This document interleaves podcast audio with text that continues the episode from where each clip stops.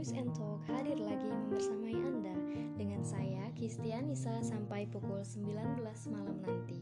Pada kesempatan ini, kami merangkum bincang parenting pada Rabu sore 12 Januari 2022 yang menghadirkan Ihsan Baihaki Ibnu Bukhari atau yang biasa disapa Abah Ihsan, seorang praktisi pengasuhan anak yang juga merupakan inspirator melalui motivasi-motivasi dahsyatnya provinsi di Indonesia. Saat ini tak sedikit remaja yang tak betah duduk berlama-lama di samping orang tuanya. Salah satu sebabnya adalah gara-gara panas telinganya mendengar ceramah orang tua. Hampir tak ada tempat baginya di rumah untuk bersuara. Di sebagian rumah, anak seolah diperlakukan sebagai robot yang harus menuruti semua perintah. Jika demikian, akibatnya di rumah anak sama sekali tak memiliki harga. Terluka. Setelah itu, bisa ditebak, dia berkelana mencari penyembuh harga diri keluar rumah.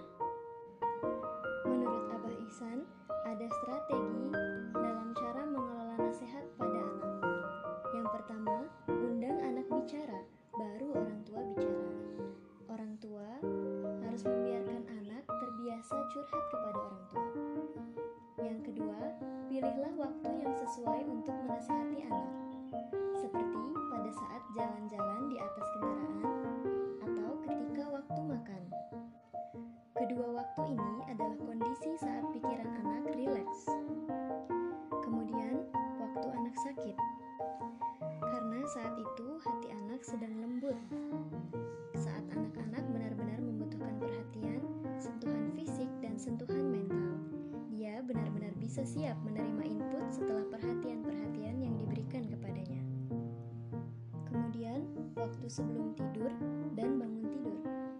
Sebab waktu-waktu ini adalah saat di mana kondisi terjadi perpindahan gelombang otak anak, yaitu antara gelombang alfa dan beta.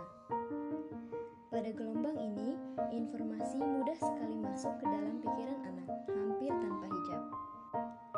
Meski mereka terlihat mengantuk, saat kita menembakkan pesan-pesan akan lebih mudah masuk. Ini seperti gelombang hipnosis, meski seperti terlihat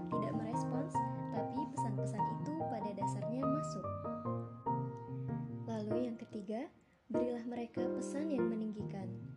Setiap hari, orang tua menembakkan ribuan kalimat kepada anak yang dapat meninggikan hati mereka, sehingga menumbuhkan kepercayaan diri mereka, kepercayaan mereka terhadap orang tua, serta rasa dihargai oleh orang tua mereka. Demikian El Shinta sedikit merangkum bincang parenting bersama Abah Ihsan tentang cara mengelola nasihat kepada anak. Semoga dapat menginspirasi sehingga bisa menjadi orang tua yang proaktif, orang tua yang solih, yang mengantisipasi masalah bukan hanya reaktif terhadap masalah. Selamat malam saudara, selamat beristirahat.